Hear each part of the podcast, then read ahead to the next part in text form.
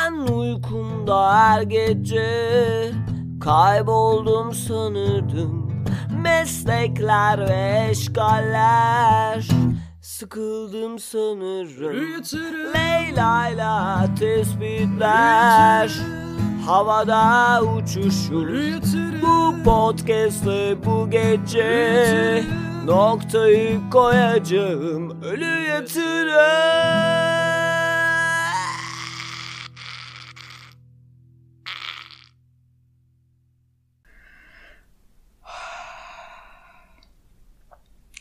Her bölümden önce şöyle uzun uzun aldığım nefesi ve o gümbürtülü yutkunmayı kesmemeye karar verdim. Selamlar. Öyle Yatırım'ın 20. bölümüne hepiniz hoş geldiniz. Ben de hoş geldim. Çünkü her bölümde farklı birisi olarak çıkıyorum kendimin karşısına. Bölümün adı Kızların Suskunluğu. Pat Barker'ın aynı isimli romanından alıyor adını. Ben kitabı aldım ama bitiremedim. Biraz sıkıldım açıkçası. Ya daha doğrusu roman okuma yaşım geçmiş galiba. Kafam almıyor roman artık. Bu bir e, ne denir itiraftır. Kimsenin kendine edemediği bir itiraftır. Roman artık pek okuyamıyorum. Ama bölümü de bu isimden ilham alarak tasarlamaya başladığım için benim için bir e, çıkmaza dönüştü. Yani okumadığım bir kitap üstüne mi konuşacaksın Leyla dedim. Ya da bölümden mi vazgeçeceksin yani? Ne yerden ne serden vazgeçemedim. Orada yardımıma şöyle bir şey yetişti. Çok özür diliyorum bu arkadaşın dinleme ihtimali var ama bir edebiyat atölyesinde oturum boyu en çok konuşan kişiye dikkat ettim ve kitabı o hafta okuyamadığını belirten bir erkek arkadaştı bunu yapan. Yani atölye boyunca en çok o konuşmuştu o kitapla ilgili oturumda bana bu cesaret verdi. Hayattaki her şeyle ilgili öncelikle bu bölümü kaydetmek olmak üzere hayattaki her şeyle ilgili cesaret verdi. Her neyse lafı uzatmayayım. Bu arada reglim e, çünkü tam randıman alabilmek istedim. Bu biraz öfkeli bir bölüm. Bu bir feminist manifesto aslında. o yüzden reglim bitmeden son günde böyle harala gürele tam da mesai yeni bitirmişken yani gün boyu başka bir şey yapmanın arzusuyla yanıp tutuşmuşken şu an karşınızdayım. Ben bu bölümde ne yapacağım? Anlatma isteğinden yola çıkarak adına homo narratus deniliyormuş bunların.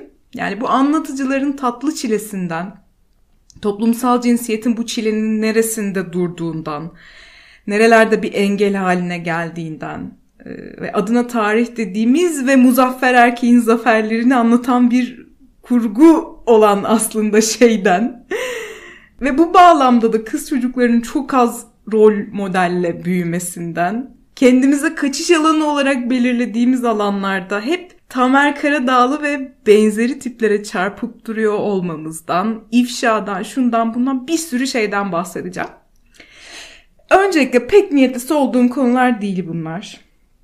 Çünkü ben aslında buraya bunlardan kaçtığım için gelmiştim. Tam olarak podcast yapma sebebim buydu yani keyifli işler yapayım. Ama geçtiğimiz haftalarda biri güzel, biri kötü olmak üzere başıma iki tane olay geldi ve ben e, nasıl desem bir yandan sıcağı ve bir yandan soğuğu yiyince boynum tutuldu.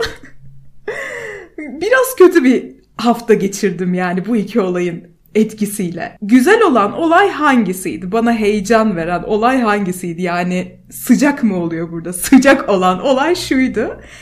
Ege Kayacan'ın podcastine konuk oldum. Mikrofonika'ya konuk oldum. Kötü olan da onu izleyen günlerde yani heyecanım henüz geçmemişken Can Evrenoğlu meselesinin patlak vermesi.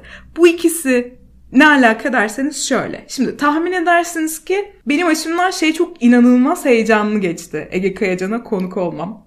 Asla anı yaşayamadım ve içimden bir ses sürekli şey diyordu. Şu an Ege Kayacan'ın karşısındasın. Hatta o da senin karşında falan diyordu.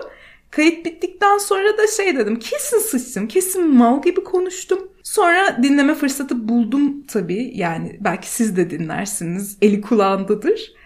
Sonra dinleme fırsatı buldum. Çok da öyle olmamış meğer. Ee, neyse bundan niye bahsediyorum? Heyecanı ek olarak bence ben şunun gerginliğinde yaşıyormuşum. Ege Kayacan, sevgili Ege Kayacan bana aslında çok uzun bir süredir üstünü düşünmekten hatta bu programın bir parçası haline getirmekten kaçındığım konularla ilgili sorular sordu. Bence güzel bir satranç oyunuydu ve ben satranç oynamayı bilmiyorum. Ve konuk olma işini de aslında tam olarak bu sebeple seviyorum ben. Yani direksiyonda siz değil de bir başkası varken tüm ezberleriniz yıkılıyor. Ve ben çok uzun bir süredir tek başına yayın yapan birisiyim. Kendimi sansürleme özgürlüğüne sahibim. Tabii direksiyonda iyi bir şoför ve onun karşısında da küçüklüğünde radyocuları ilah gören küçücük bir kız çocuğu oturuyorken şey hali içerisindeydim. En doğrusunu söylemeliyim. Şu an mikrofon bana uzatıldığına göre en doğrusunu söylemeliyim. Bu konulardan bir tanesi yani Ege Kayacan'ın açtığı konulardan bir tanesi benim dijital dünyada e, diyeyim artık. Ne diyeyim buraya? Dijital dünyada kendi hikayesinden hareketle aslında ortaklık noktaları çokça bulunan bir kadınlık hikayesi anlatıyor olmamla alakalıydı. Velhasıl gelin bu bölümde burayı bir deşelim. Bir süredir anlatma denilen belalı yarimle aramızda love-hate ilişkisi bulunan bu sevgilimle kurduğum ilişki çok başka bir yere doğru gitmeye başladı. Bu sefer yani bu bölümde belki de ilk defa bir başkasının ya da başkalarının kolektif sesini içimden kovarak ilk defa perdesiz anlatmaya çalışacağım bazı şeyleri. Hayatımın orta yerinde duran çok sahici bir soru var. Nasıl oluyor da anlatmak gibi 7-24 açlığını duyarak yaşamaya devam ettiğim bir eylem en büyük çilem haline geliyor. Bunun cevabı toplumsal cinsiyet ve kadın çalış çalışmaları master'ını e, hayatta yapılacak daha fazla daha başka eğlenceli şeyler var diyerek bırakan ve killjoy olmaktan bir noktada çok yorulan biri olsam da bunun cevabı maalesef hala toplumsal cinsiyette yatıyor. Ve ben bu durumdan hiç hoşnut değilim. Çünkü yani çünkü şu kafayla yaşamak, sürekli bu kafayla yaşamak kolay değil. Hele ki Türkiye'de hiç kolay değil tahmin edersiniz. Yani yolda karşılaştığımızda birbirimizi tanımamızı olanak sağlayan palet 777 yoğun parlak bakırın bildiniz onu. Onun fiyatının gitgide arttığı bir ülkede feminizmle tanıştığım güne lanet olsun. Her geçen gün bunu söylüyorum. Bunu tekrarlıyorum içimden. O gün keşke yani feminizmle tanıştığım gün keşke her zaman yaptığım gibi son anda üşenip buluşmaya gitmeseydim. Bunların hepsini narlı cheesecake yerken düşündüm. Ve feminizm narlı cheesecake'e çok benziyor bu açıdan. Yani o hayatıma gelene kadar hayatımda böyle bir eksiklik olduğunu bilmiyordum. Buna ihtiyacım olduğunu bilmiyordum. Ve keşke hiç bilmeseydim. Yani ben de kameraya nargile üflemek ve gerisini düşünmemek isterdim. Samimi söylüyorum. Ya da ilk bölümde kendine ait bir odadan bahsetmek istemiyordum zaten. Bambaşka şeylerden bahsedebilmek isterdim. Ama bir yanda hayatınızın ve dolaylı olarak da anlatınızın orta yerinde duruyor bu. Ya da anlatmak yüzyıllardır kendine ait bir oda arayışıysa ben bu durumda ne yapabilirdim? İnanılmaz şey değil mi sesim bu arada ya? Çok öfkeli. Arada bir bana şey diyebilir misiniz hayal arkadaşlarım? Sakin, sakin. Her neyse sağlam bir yolu haritam yok açıkçası karşınızda şu an sağlam bir yol haritası olmayan birisi olarak duruyorum. Ama neredeyse emin olduğum noktalar da var tabii. 1. Erkeklerden nefret etmek için ayırdığım vakti yazmaya ayırdığım günden beri işlerim yolunda gidiyor. Şimdi nefret gibi çok büyük bir yerden açmamalıydım bahsi diye düşünüyorum. Çünkü sarkazmı anlamayacak insanlar varmış gördüm. Ekşi sözlük yorumlarında gördüm sevgi gibi daha tatlı bir yere kırıyorum direksiyonu. Mesela sevgi bağlamında şunu düşünelim. Hayatımızda sevdiğimiz birine, anlaşmak istediğimiz birine, bir erkeğe diyelim mesela uzun uzun yarı toksik paragraflarla duygularımı ve düşüncelerimi, o anki hislerimi izah etmeye çabamdan vazgeçtiğimden beri de işler gayet iyi. İki. Yani ne zaman böyle bir durumun içinde yeniden bula yazsam kendimi, yani birine uzun uzun açıklamalar yaparken bulsam kendimi, telefonu şöyle çok uzak bir yere fırlatıyorum ve onun yerine squat yapıyorum o süre içerisinde. Squat yapmaya başladığım günden beri de ayva gibi götüm oldu. Üzerinize afiyet. Böyle deyince de şey gibi oluyor. Üzerinize afiyet. Face sitting gibi bir şey oluyor. Neyse. Ama mutlu değilim. Yani bu ayva gibi göt hala Türkiye sınırlarında nefes alan bir göt. Ve ertesi gün nefes almama ihtimali çok yüksek. Evet götüm nefes alıyor çünkü sevgili Patreon destekçilerim sayesinde kendime nefes alan don aldım. Böyle bir şey var ve hayat kolaylaştırıcı gerçekten. Yine de mutlu değilim. Mutlu olmadığımızda ne yapıyorduk? Ne yapıyorduk? Ne yapıyorduk? Çok başa dönüyorduk. Sakin sakin içimizi açıp gösteriyorduk ki biraz olsa da anlaşıldığımızı bilelim geberip gitmeden önce. Bu bizi hem sıradan hem de bambaşka yapan yegane şeydi. Ama isterseniz önce çok başa, sonra da en başa dönelim. Anlatmak istediğim şeyin hem kişisel hem de tarihsel olarak çok uzun upuzun bir izahı var çünkü. Dünyanın en detaycı ve takıntılı insanlarından birisi olarak podcast'te başlamadan önce her şeyi hazır etmiştim. İsim, kapak, müzik, ıvır zıvır.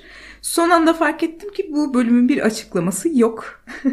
Artık yayını çıkacağız ve son anda çala kalem şey yazmıştım. İşte öyle yatırım podcast'ta başından beri öyle yatırım gözüyle bakan ne var ki de anlatmayı çok seven bir kadının en işçi çıkışı podcast merakıdır. Bölümün açıklaması bu oldu. Ee, o an böyle çala kalem yazdığım bir şeydi. Ama şu an bakıyorum da her kelimesi çok fazla anlam ifade ediyor. Hatta bir konserve gibi sulandırmaya kalksam her cümlesinden, her kelimesinden bambaşka bir bölüm, bambaşka bir ürün ortaya çıkartabilirim. Şimdi birincisi, neden bir kadın olarak ben anlatma isteğime ölü yatırım gözüyle bakıyordum? Neden e, anlatmayı çok seviyordum ve bu benim zorunluluğumdu. Ve neden bunca tutkuya ve isteğe rağmen inişli çıkışlı bir yol olduğunu en başında varsaydım. Neden inişle beraber en dibe, çıkışla beraber en zirveye vardığımı hissettiğimde o merak, o nefes alan don gibi nefes alan don giydirilmiş göt gibi insanı rahatlatan merak hep benimle kalıyor ve kalmak zorunda. Aslında bunlarla ilgili sesli düşünmek istiyorum çok uzun bir süredir.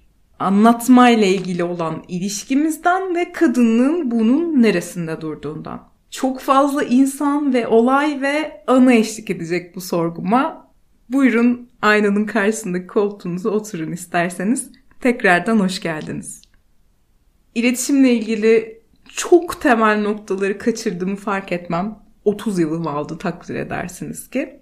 Genelde söylediğim şeyi söylediğimden, hakikaten söylediğimden ve karşı tarafında bunu anladığından çok emin oluyorum.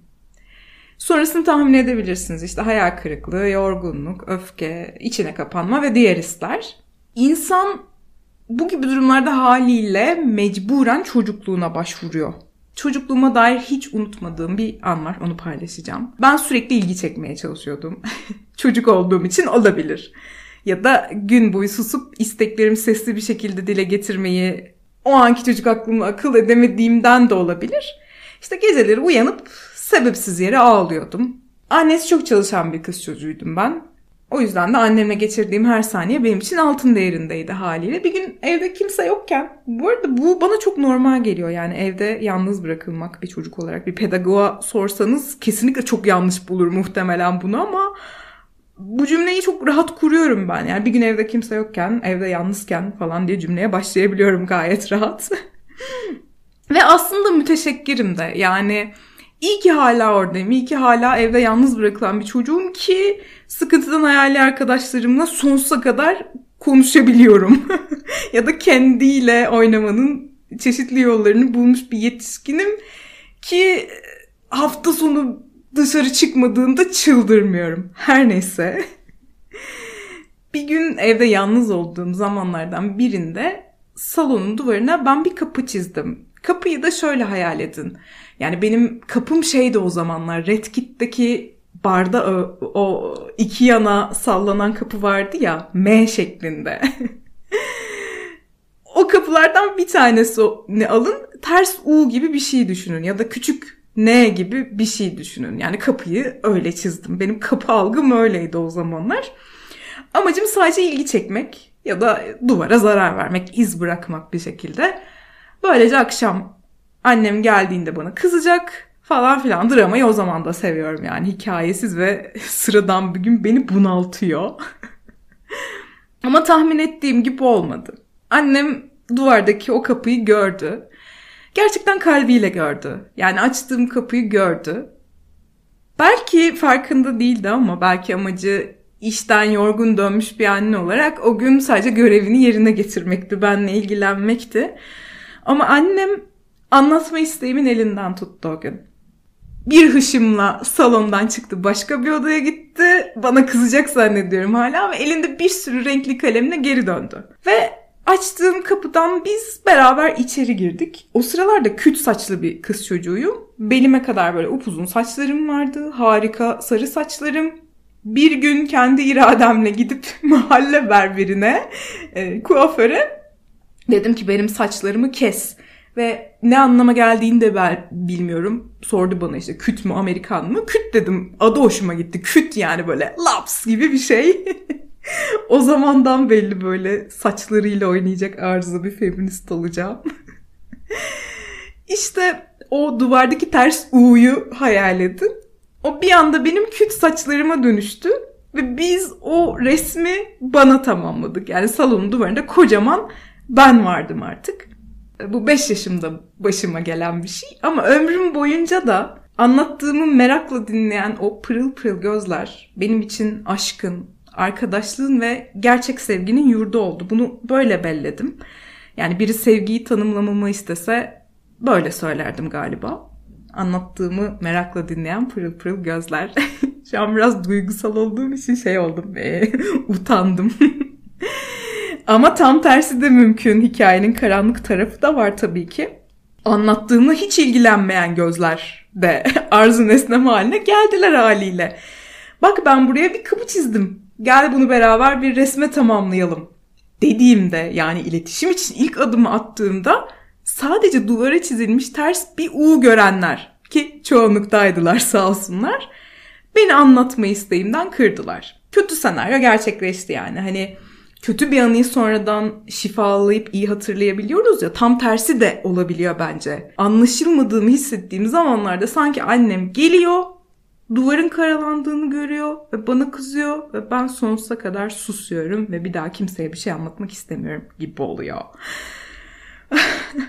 o sebeple her ilişkiden romantik ya da arkadaşlık aklınıza gelebilecek her türlü insan ilişkisinden e, hepiniz gibi yine anlaşılmadım yorgunluğuyla çıkıyorum. Anlamadığı ya da anlattığım şey ilgisini çekecek kadar parlak değildi. Bunların ikisi de çok normal şeyler. Ama işte e, bugüne kadar neler yaptım ben? Sonra anlattığım şeyin ya da anlatma biçimlerimin üstüne simmim bir şey döküyorum, kalaylıyorum, parlatmaya çalışıyorum. ilgi çekici bir şey haline getirmeye çalışıyorum onu ki anlaşılayım. Böyle bir hatanın içine düştüm tabii ki de. Harcadığım 20'lerim boyunca. Ama olmuyor. 30 yaşına gelmiş bir kadın olarak çok net söyleyebilirim. Bunu olmuyor. Belli ki olmuyor. Yani anlattığını senin kadar sevecek, senin kadar anlayacak bir başkası yok aslında.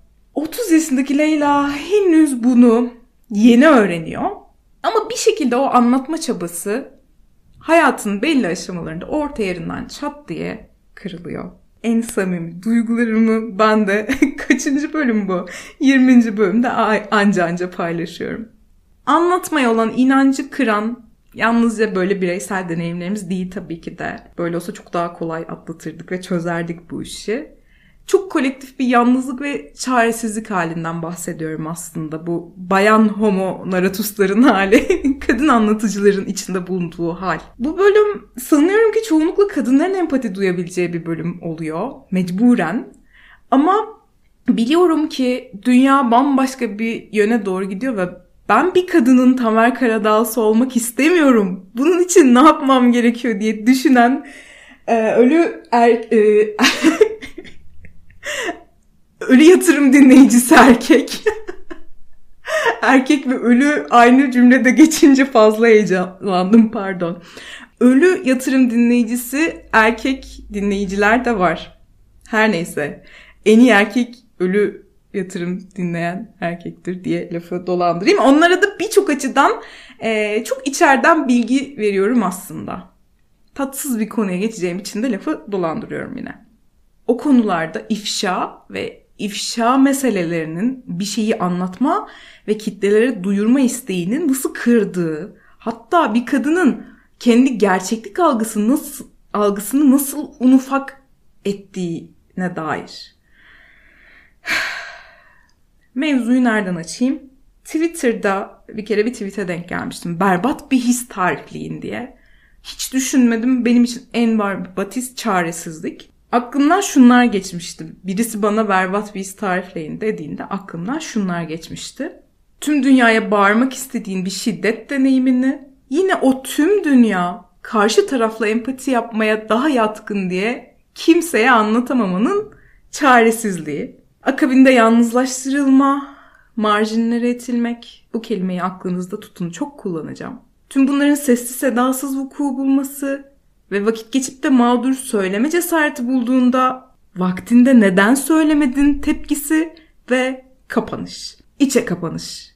Peki senin hiç mi suçun yok diyen bir ses, toplumun sesi. O sesin o kadar içselleştirilmesi ki bir noktadan sonra sesin nereden gel- geldiğini anlayamayacak duruma gelmek, o sesin çok yakından içinden gelen bir sese dönüşmesi, kendinin bile fikrini, hissini bilemeyecek hale gelmek. Ama sonrası biraz aydınlık. Bu başıma gelenlerden önce ben kimdim, ne istiyordum diye sorabilme cesareti, birilerine ya da bir benzerine anlatmak, sandığı kadar yalnız olmadığını duymak, duyurmak. yani Me Too olur, sosyal medyada ya da yakın çevrenizde bir ifşa durumunda, size tanıdık gelmeyen bir ifşa durumunda aklınızda bu dediklerimi tutarak yaklaşın isterim bu meseleye. Bu cepte. İkincisi benim anlattığıma kimse inanmaz kabulünün açtığı delilik hali. Şimdi anlatmak ve delilik arasında çok net bir ilişki olduğu aşikar değil mi? Yani mallık anlatmak, ölü yatırım anlatmak. Bir keresinde Twitter'dan bana hiç tanımadığım bir kadın mesaj atmıştı yine. Twitter tuhaf bir yer. Gerçekten haberleşmek için hala kadınlar için tuhaf ve işlevli bir yer. Başına gelen bir olaydan bahsediyordu. Ayrıntıları elbette ki veremeyeceğim ama birinin onu takip ettiğinden şüpheleniyordu. Ya da bu gerçek de şüphe değildi. Şüphenin de ötesinde hakikaten biri onu takip ediyordu. Benden yardım istedi. Ve düşündüm ki konuşabileceği tek kişi bensem sorumluluk hissettim yani ve dinledim. Onu bir yerlere yönlendirmeye çalıştım kısıtlı bilgimle. Ve tüm parçaları birleştirdiğimde onun bana anlattıklarını beynimin süzgecinden geçirdiğimde hep şüpheyle yaklaştığımı hatırlıyorum. Yani bu kadar da gerçek olamaz. Bu kadın çok korktuğu için şu an paranoya yapıyor. Ben onu en iyisi bir psikiyatra yönlendireyim dediğimi hatırlıyorum. Ama sonra şunu hatırlatmıştım yine kendime. Gerçekleri söyleyen bir kadınla delirmiş bir kadın arasında ayrım yapmak o kadar kolay değil. Yani kendinizden, algınızdan, gerçekliğinizden şüphe ettiğiniz anda en azından hissettiğinizin, o an hissettiğinizin bu çoğunlukla korku oluyor ya da delilik hali. Onun kaya gibi gerçek olduğunu hatırlatan bir ses olmak istiyorum ben bu bölümde. Çünkü sen bas bas bağırmak istediğinde seni durduran, içine kapatan o şey kimsenin inanmayacağı korkusu. O yüzden biz, her kimsek biz, deli, her deli kadın hikayesine inanmayı seçiyoruz başta. Çünkü bu survival bir tercih. Yollarda işte tam olarak burada ikiye ayrılıyor olabilir. Yani ben burada kadın ve erkek diye bir ikilikten bahsetmiyorum. İstemsizce ilk ifşacıyla, ifşayı yapanla empati kuranlar ve yine istemsizce ilk ifşa edilenle empati kuranlar. Buraya nereden geldik? Bura nereye varacak? Şimdi Can Evrenol meselesine geçmek istiyorum. Aslında bir ifşa olarak değerlendirilemez bu. Bir de birinin adını doğrudan ağzına alırken kelimeleri dikkatli seçmek gerekiyor. Kendime ufak bir hatırlatma. Her ne kadar ifade özgürlüğünün olduğu, Sırpski'nin çok harika bir film olduğu bir evrende geçse de tüm bu hikaye yine de ifade özgürlüğünü bazen kırpmakta fayda var. Bu meselenin uzun uzun ayrıntılarını veremem şu an. Bayağı uzun sürer. Merak eden varsa bölüm bittikten sonra bakabilir. Ee, bu adam bir yönetmen tamam mı? Tecavüz göndermeli de bir kısa filmi var. Ve ilk karşılaşma şöyle olmuştu. Bu filme çoğu feminist olan kişiler tarafından tepki gelmişti. Ondan sonrasında da Can Evrenol gibiler vs.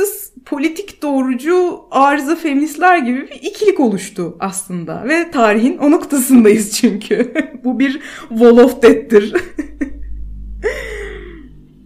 Yeniden ikinci kez Can Evrenol'la ilgili bir Twitter gündemi olduğunda sanattan anlamayan ve her daim politik doğrucu, killjoy, joy öldürücü, keyif kaçırıcı feministlerle ikinci kez ve bu sefer kendi çabasıyla karşı karşıya geldiğinde Can Evrenol ben iki gece uyuyamadım.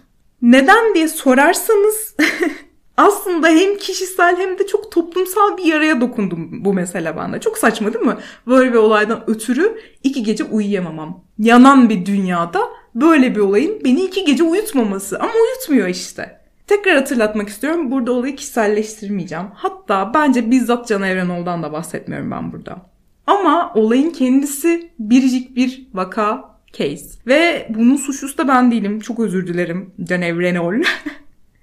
Hatta insanlar da bizzat Can Evrenol'a sinirlenmiyorlar bence. Daha ziyade Can Evrenol bize bir şeyi hatırlattığı için o şeye sinirleniyorlar. O da karşıdaki insanın nasıl kendinden emin olduğu, mizojininin nasıl örtük, nefes aldığımız alanlarda da varlığını böyle üstü kapalı bir şekilde sürdürdüğü. O yüzden yıllar sonra Tamer Karadağlı artık nasıl anılıyorsa, biz bugün Tamer Karadağlı'yı nasıl anabiliyorsak, Can Evrenol gibiler de maalesef öyle anılacak. Ve sadece biraz daha vakti var. Çünkü erkeklik dediğim şey gittikçe komik bir hale almaya başlıyor. Herkes bunun farkında bence. Yani şu an burada kelimeleri doğru seçmiyor ve biraz görece agresif olabilirim.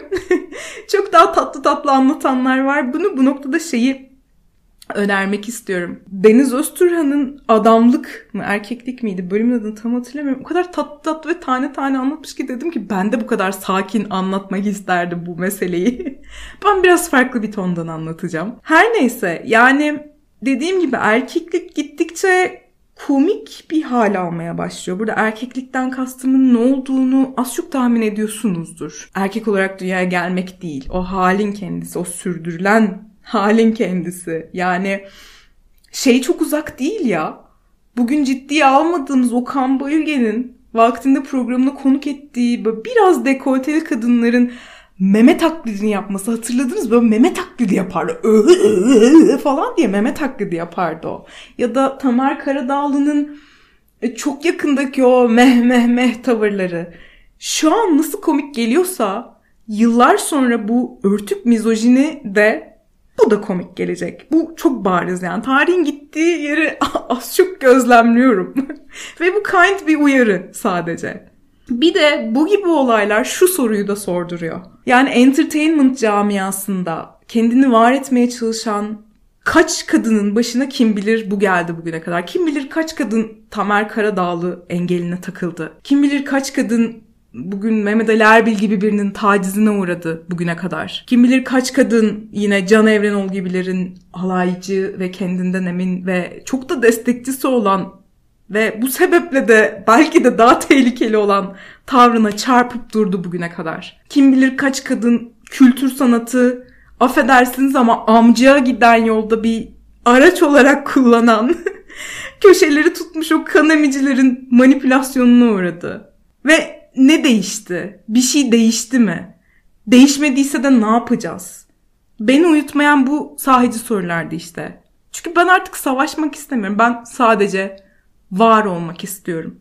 Ben artık Mardin'de spor yapmaya çalışan küçük kız çocuğunun ağlayarak sen kızsın aramıza gelemezsin dediği videoyla empati kurmamak istiyorum. Yani şey mi zannediyoruz acaba? Bu video çok uzak bir bu videodaki olayın kendisi çok uzak bir diyarda geçiyor. Mardin'de, Şırnak'ta, burada değil de orada geçiyor mu zannediyoruz?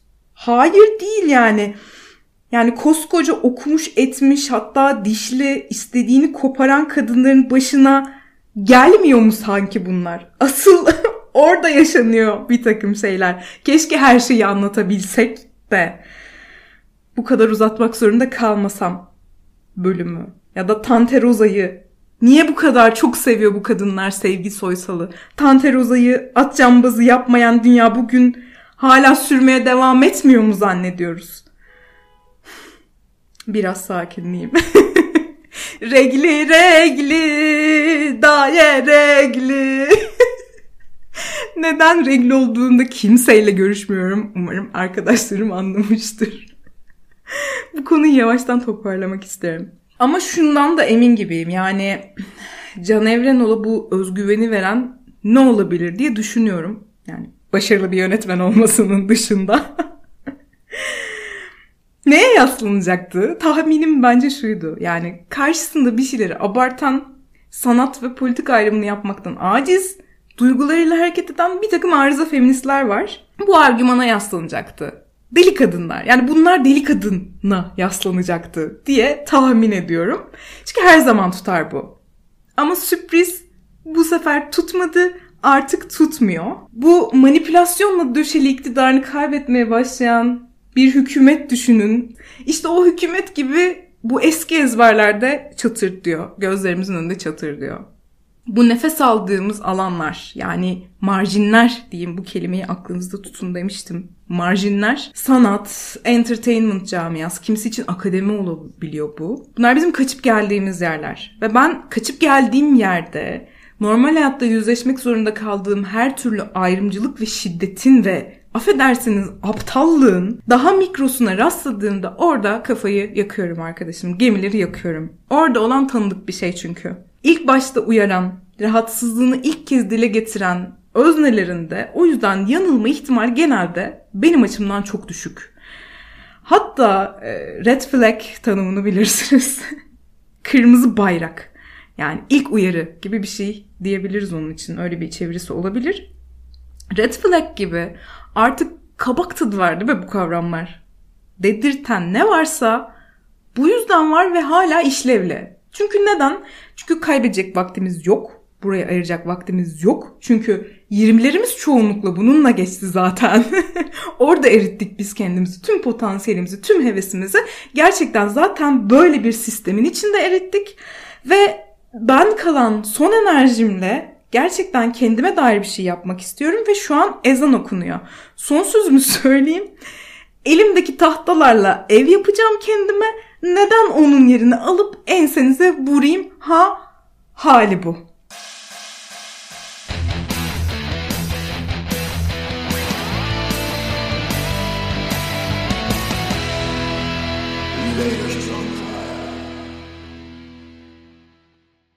Neyse ezan okunurken gittim ağzıma birazcık çikolata attım. o kadar da sinirli değilmişim. Patriarka o kadar da kötü bir şey değilmiş. Sadece benim kan şekerim düşmüş. Şaka şaka. Berbat bir şey patriarka. Biraz sakinlediysem e, şuna geçebilirim şu samimi itirafa. Her şeye başlarken ki amacım şu. Ben bir ağacın gölgesine serinlemek istiyorum. Yani kendime korunaklı bir sığınak yarattığımı düşünüyordum. Aslında tüm bu görünür ve görünmez güç ilişkilerinden azade bir alan yarattığımı düşünüyordum kendime. Bu işe de ilk başladığım zamanlarda ve teknolojinin de bunu kolaylaştıracağını düşünüyordum. Bir aracım var çünkü. Ama kolay mı? Bebeğim kolay mı? Her şey o kadar. Hatta bu tartışmaya rızası dışında dahil edilmiş, kimsenin adına konuşmak istemem ama ya götün yiyorsa gel lafını duymuş kadınların da tek amacı belki sadece sinema ve işte sinema sınırlarında e, var olmak ve nefes almaktı belki de. Neticede nereye bağlayacağım? Hayatın her alanını kazanmak zorunda olmak bir kez daha yorucu, gerçek ve güncel. Yani o anlatmanın kapısını araladığınızda gördüğünüz gibi içeri nasıl bok püsür doluyor. Çünkü rüzgarın yönü hep böyle esmiş bugüne kadar. Çarklar hep böyle dönmüş. Bizim o rüzgarın yönünü değiştirme zorunluluğumuz var. Maalesef var. Bambaşka şeyler anlatabilmek için önce neden anlatamadığımızı anlatmamız gerekiyor. Anlatabilmişimdir umarım. Orada da hikaye şuna evreliyor. Yani bölümün başına referans vereceğim biraz. Anlattığın kendiliğinden bir kadınlık hikayesi oluyor.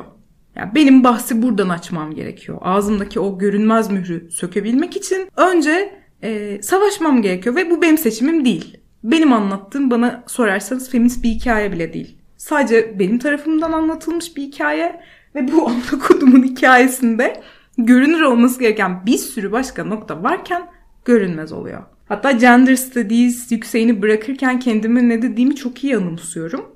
Saçma sapan bir tez yazmaya ayıracağım emek ve zaman ve enerjiyle bambaşka keyifli işler yapabilirim ben. Sonra neyse ki sağ olsun dünya gösterdi ki eğlenceli dediğim işlerde de peşini bırakmayan bir şey. Cinsiyet belası. Hatta tersine daha çok karşına çıkıp duracak. Aslında yola çıkarken, podcast'a başlarken hiç böyle bir niyetim yoktu. Tipik ve bugüne kadar üzerine çok konuşulmuş konular hakkında. Neden konuşayım ki? Yani bunu daha iyi yapacak, bunu daha gönüllü olan insanlar var. Bırakayım onlar yapsın. Ben bambaşka bir şey yapayım. Sadece anlatmayı seviyor olabilirim. Ya da çok yüksek bir yere çıkıp bağırmak istiyor olabilirim demiştim. Öyle olmadı.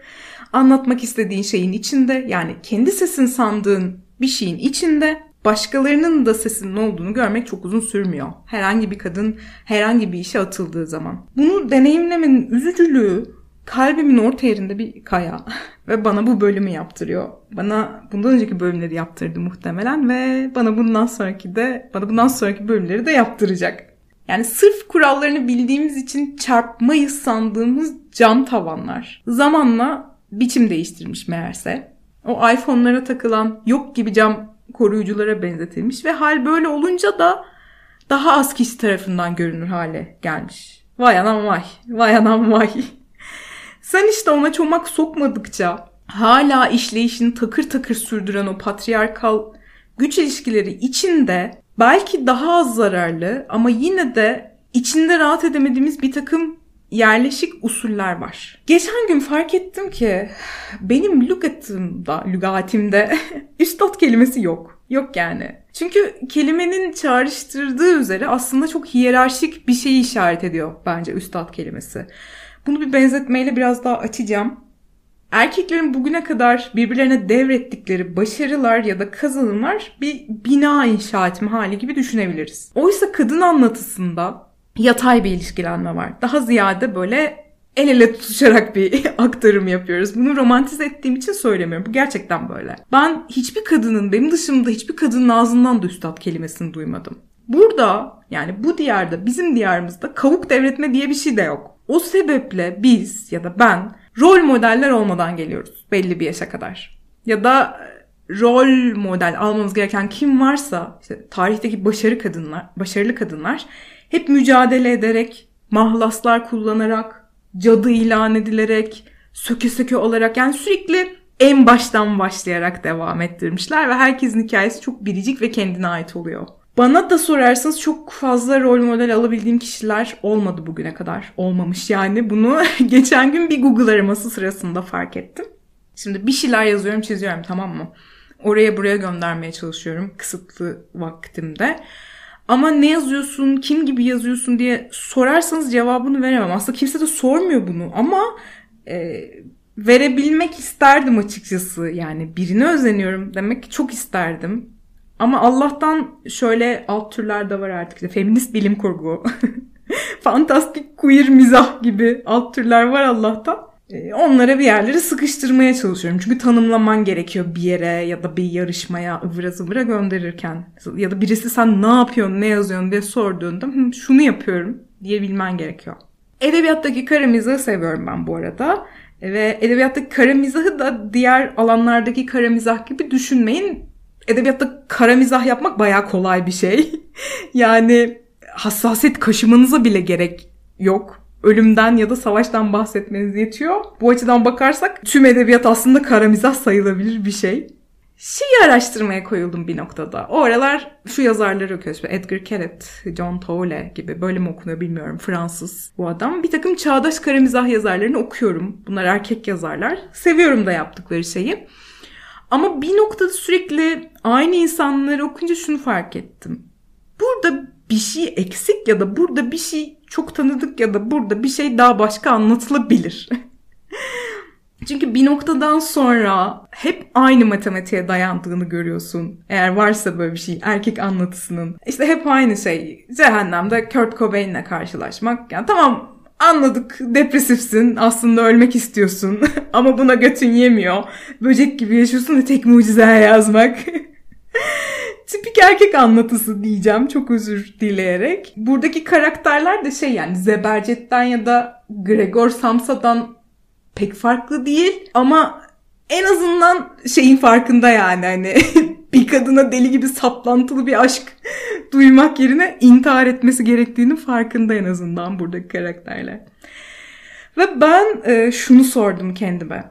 Hiç mi bir kadın kara mizah yazarı olmamış tarih boyunca?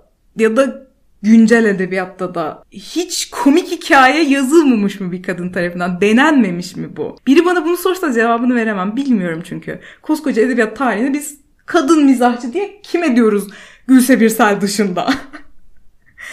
Dedim ki tarihteki örneklerine bakayım en azından şu yaştan sonra kime özeneceğimi bileyim. Belki hiç bilmediğim biriyle yollarım kesişir.